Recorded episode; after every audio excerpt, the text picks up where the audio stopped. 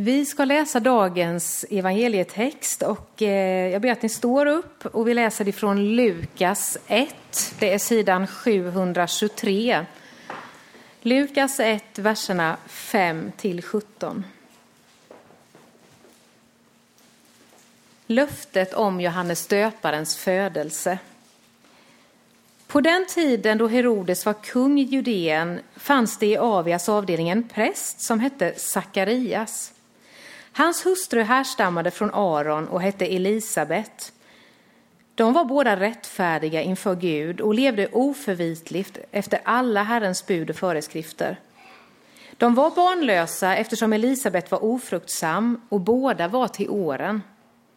En gång när turen hade kommit till hans avdelning och han fullgjorde sin prästtjänst inför Gud var det han som efter den sedvanliga lottningen bland prästerna skulle gå in i Herrens tempel och tända rökelseoffret.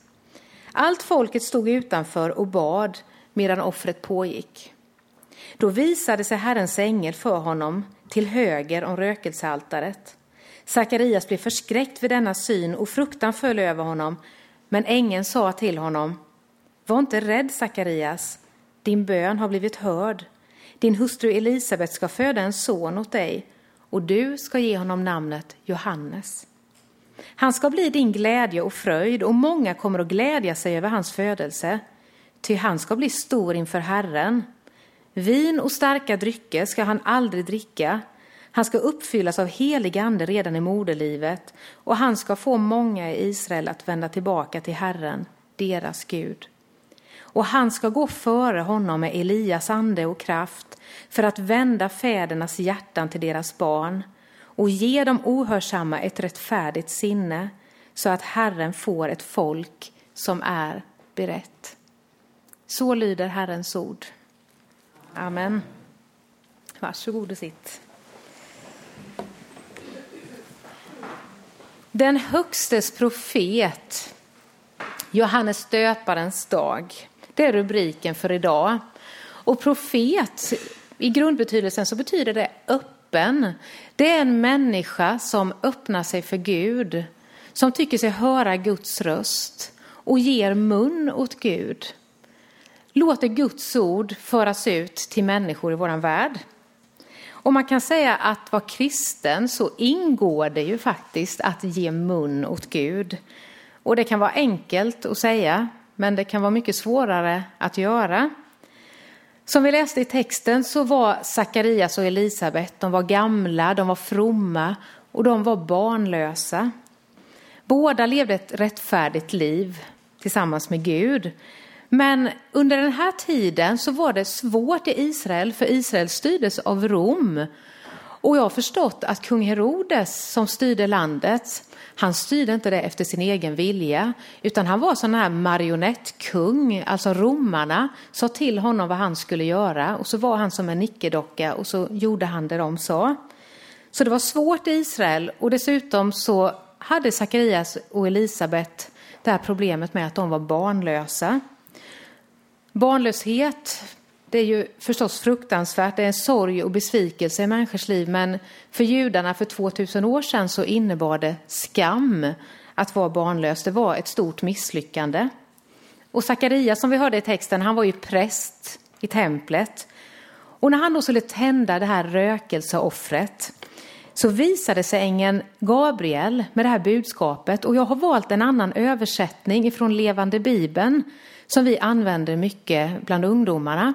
Och där står det så här, ängeln sa, var inte rädd Sakarias. Jag har kommit för att meddela dig att Herren ska svara på din bön. Du och din fru Elisabet ska få en son och du ska låta honom heta Johannes. Han ska få många bland Israels folk att vända tillbaka till Herren.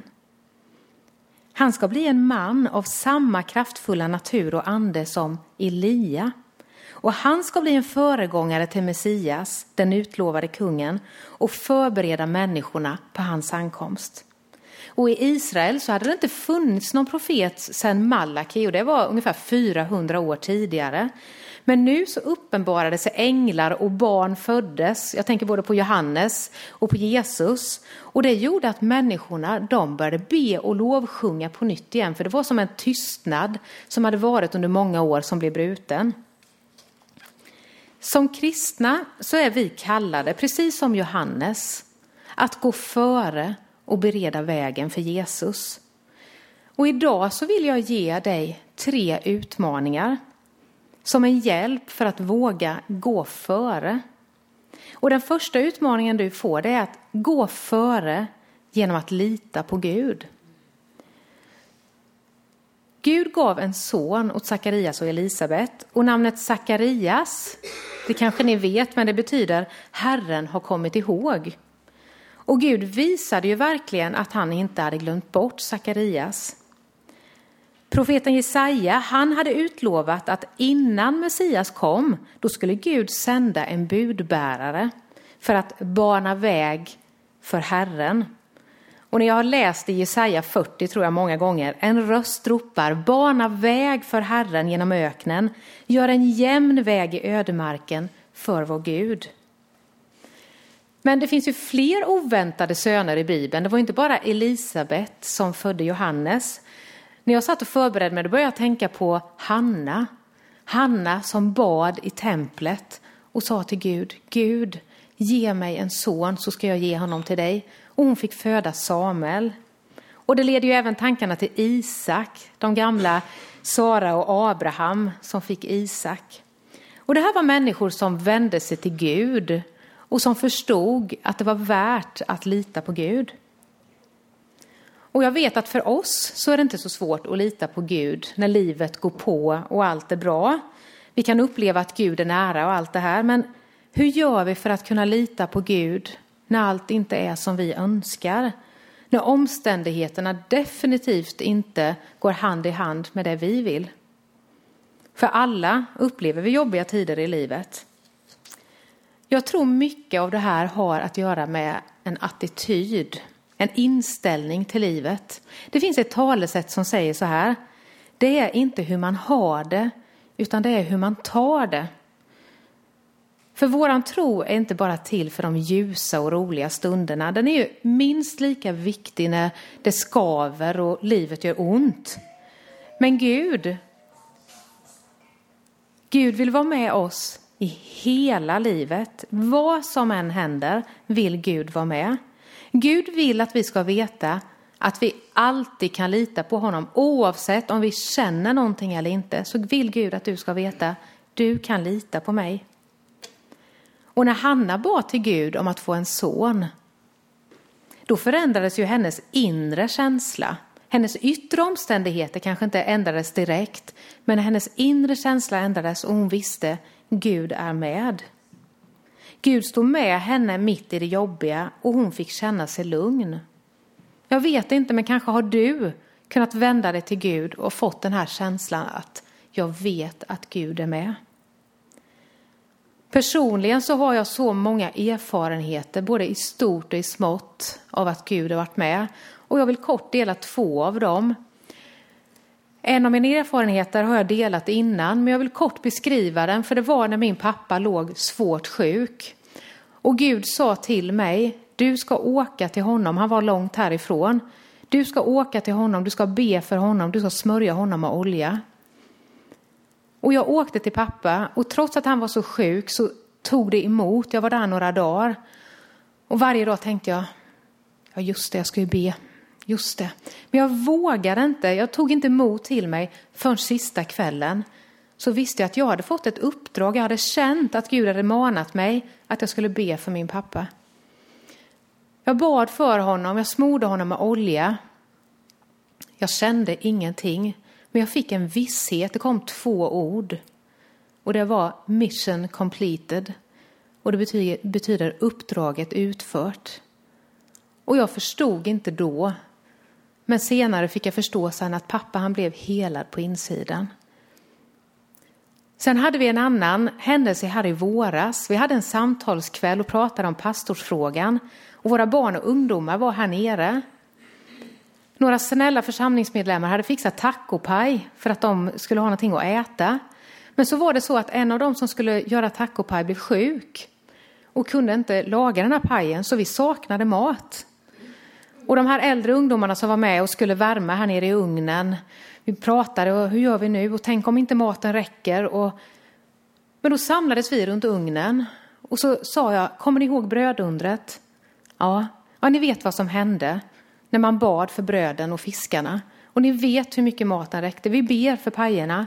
Så vi ställde oss runt ugnen och vi bad för pajerna.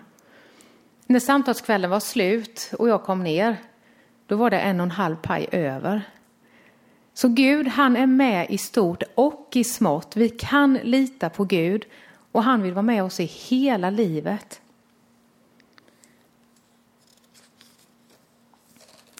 Den andra utmaningen du ska få idag är att gå före genom att fyllas av den helige ande. Berättelsen om Johannes döparen, den började ju redan innan han var född, hörde vi i bibeltexten. När Elisabet varit gravid i sex månader då fick hon besök. Och hon fick besök av Jesus mamma Maria. Och Maria var ju gravid med Jesus. När Maria hälsade på Elisabet så hände någonting. Då sparkade Johannes till av glädje inuti magen. Den helige ande fanns där. Elisabet ropade så här, välsignad är du mer än andra kvinnor och välsignat är barn du bär inom dig. Johannes hälsning till Jesus redan inne i magen och Elisabets hälsning, det var Guds sätt att visa att Jesusbarnet, han skulle förändra folkets historia. Och Johannes, som hade välkomnat Jesus redan i moderlivet, han skulle bli en budbärare med uppgift om att inbjuda Israels folk till Jesus. För Johannes han predikade ju om syndernas förlåtelse genom att omvända sig. Det kom massor med folk som hörde på Johannes, det har ni säkert hört i bibelberättelserna. Och han uppmanar dem att visa sin ånger och låta döpa sig. Och att döpa sig, det är ju en symbolisk handling för att tvätta sig ren. Och han säger så här i Matteus 3 och 11. Den som erkänner sina synder och vänder om till Gud, honom döper jag med vatten men det ska komma en som är större än jag. Han är så mäktig att jag inte ens är värdig att ta av honom hans sandaler. Han ska döpa er med Guds helige ande och eld. Så Johannes döpte med vatten, men Messias, han skulle döpa med helig ande. Och Johannes, han var inte intresserad av att visa upp sig själv, utan han pekade hela tiden på Jesus. För att folk skulle förstå att Jesus ensam var den som kom med kraften.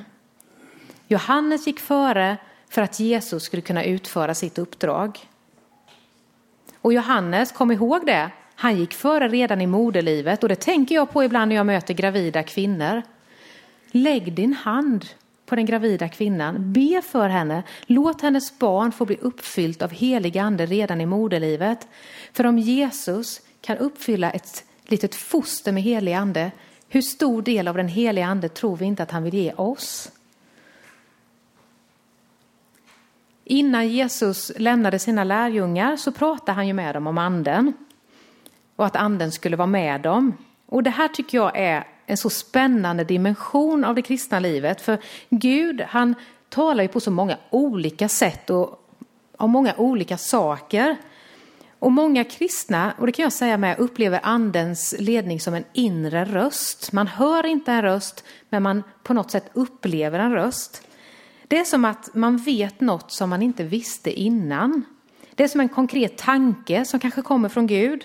Det kan röra ditt personliga liv, eller det kan vara att Gud manar dig att göra någonting för någon annan människa vid någon speciell tidpunkt. Och om du ger anden tillåtelse om du lyder och vill lyssna, då kan han genomsyra hela ditt liv. Dina handlingar, dina tankar, allt du är och gör. Sen undrar jag, tycker du att det är ett tecken på svaghet eller styrka att be om hjälp? För den som ber om hjälp, han har liksom tagit ett steg ut ur bekvämlighetszonen kan man ju säga. då har man satt sig i en situation där man inte nöjer sig med sina egna kunskaper och erfarenheter, utan man stiger åt sidan och ber om hjälp. Jag tycker att det är modigt och starkt och jag tänker så här att relationen till Gud, det är ju ett sånt liksom styrkande beroende, att jag får kliva ett steg åt sidan för att ta emot av Guds kraft. För i mig själv är jag inte så mycket, men med Gud så kan man uträtta underverk. Och Gud, han vill tala till dig, han vill leda dig med den helige ande. Så är du beredd att lyssna? Den tredje och sista utmaningen du får idag är gå före genom att vara ett folk som är berett. Johannes gick runt och människorna de började ändra sinnelag för de, de omvände sig. De tog emot Guds förlåtelse och de lät sig döpas. De banade ju väg för Herren som jag läste ur Jesaja 40 innan. De förberedde sig för frälsarens ankomst. Och hur gör vi? Hur banar vi väg genom ödemarken som vi har idag? Det är lätt att tänka att det är någon öken, men vilken ödemark har vi i vårt liv och i vår tid idag? Precis som Johannes banade väg för Jesus så ska vi bana väg för Jesus in i människors liv. Johannes han pratade om bättring och förlåtelse och döpte människor. Samma sak är vi kallade att göra. Och när människorna frågade Johannes hur de skulle bära sig åt, då sa han så här, det här är längre fram i Lukas i kapitel 3. Då sa Johannes så här, om ni har två skjortor så ge bort en av dem till någon som ingen har. Om, om ni har mat att dela med er av så ge till dem som är hungriga. Till och med tullindrivarna kom för att döpas och de frågade, hur kan vi visa att vi har slutat att synda? Genom att vara ärliga, svarade han. Kräv inte mer i skatt än vad de romerska myndigheterna ger order om. Och vi då, vad ska vi göra? frågade några soldater. Johannes svarade, tvinga inte till er pengar genom hot och våld, utan nöj er med er lön. Vi får vara med i Guds stora projekt om en förvandlad värld. Vi ska ju vara Jesu händer och fötter i våran tid. Du och jag ska vara de som ger bort en av våra skjortor eller delar med oss av våran mat. Du och jag ska leva ärligt. Vi ska inte tänka på egen vinning utan sätta andra framför oss själva. Det kan svida ibland, men det märkliga tycker jag är att ju mer jag gör för en annan människa, desto mer växer min tro. Det verkar som att vi behöver lämna vårt eget, backa tillbaka lite för att se andra människors behov. Gör du det så kommer tron växa bit för bit och glädjen kommer fylla dig mer och mer. Och när man blir kristen så är ju inte det bara en privat angelägenhet. Man blir medlem i ett folk, i Guds folk. Och Gud vill att du ska vara en konkret del av Guds folk. Vi ska vara ett folk som lever ut våran tro och visar den här världen vem Jesus är. Och jag tror inte att det i längden går att leva ensam som kristen. Jag tror det är viktigt att man tillhör en lokal församling. Annars är det liksom som att dansa ringdans med sig själv om man hade gjort det på midsommarafton. Det är inte roligt. Vi ska leva tillsammans i församlingen. Och det är något särskilt det här med att vi möts till gudstjänst. Vi möts över generationsgränserna som ett enat folk. Jag tror att det blir till hjälp för oss. Det ger oss en stabilitet in i våra kristna liv. För vi kan få finnas här för att vara till hjälp för någon annan. För att vara en del av församlingen, det är att ge och ta. Och jag har märkt att det ger mig mer energi att ge än att bara passivt ta emot. Så vi ska uppmuntra och hjälpa varandra att leva så. Så därför är församlingen en tillgång för alla människor. Här kan vi stödja och hjälpa varandra. Här kan vi växa i tro tillsammans och forma varandra och tillsammans. Det förändrar vårt sätt att leva, det förändrar vårt sätt att vara. Och jag tänker ofta på det som Jesus sa till sina lärjungar, att vi ska vara salt och ljus för världen. Vi ska gå ut tillsammans. Vi ska tjäna andra människor tillsammans, men vi ska också tjäna varandra här. Efter att Johannes hade fötts så fylldes hans pappa Sakarias av helig ande och det hörde till att Sakarias han hade varit stum. Därför att han har fått vara stum från att ängeln hade uppenbarat sig för honom tills att han fick profetera över sin son. Och när han profeterar så säger han så här. Du mitt barn ska kallas den högstes profet, för du ska framföra Guds budskap om Herren innan han kommer och bana väg för honom. Och det är ditt och mitt uppdrag också. Vi ska gå ut och bana väg för att människor ska lära känna Jesus. Och jag längtar så för att alla vi ska få brinnande hjärtan för att gå ut och bana väg för Jesus. Och jag längtar efter att höra fler profetiska tilltal. Det står så mycket om det i Bibeln. Och jag vill läsa ett tilltal ifrån Apostlagärningarna 2 och 17. Där det står så här, och det handlar om oss. Under den här världens sista tid ska jag låta min ande komma över alla människor. Era söner och döttrar ska framföra budskap från mig. Era unga män ska se syner och era gamla män ska ha drömmar. Ja, min ande ska komma över alla mina tjänare, både män och kvinnor, och de ska framföra budskap från mig. Jag ska låta märkliga tecken visa sig uppe på himlen och nere på jorden. Blod och eld och rökmoln. Solen ska bli mörk och månen blodröd innan Herrens stora och underbara dag kommer. Men var och en som tillber Herren ska bli räddad.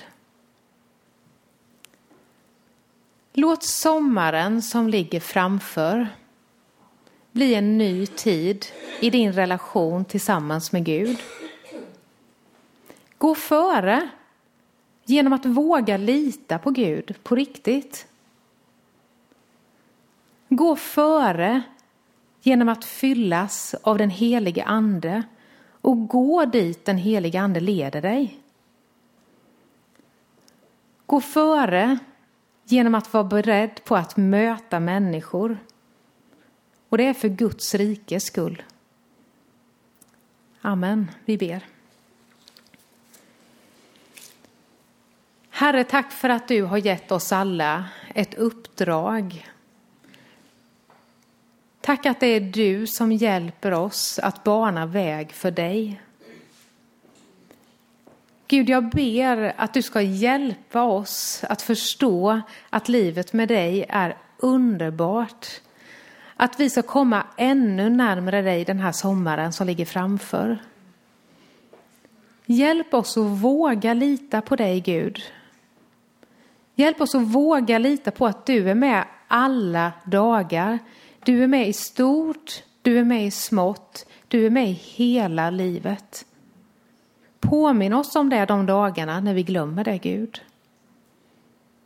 Hjälp oss, Gud, att våga fyllas av den helige Ande och gå dit Anden leder. Du har en tanke med våra dagar, Gud. Du har en tanke med hur vi ska använda våra dagar. Hjälp oss att bli kloka och förstå vart vi ska ta vägen just den här dagen. Och hjälp oss Gud att vara beredda på att gå ut och tjäna dig. Att sätta andra människor framför oss själva, Gud. Tack för att det är du som ger oss en större tro genom att tjäna dig, Gud. Jag ber om ditt beskydd över oss alla den här sommaren. Tack för att du alltid är oss nära. Tack för att du har skapat oss alla underbara. Tack att vi duger precis som vi är. I Jesu namn. Amen.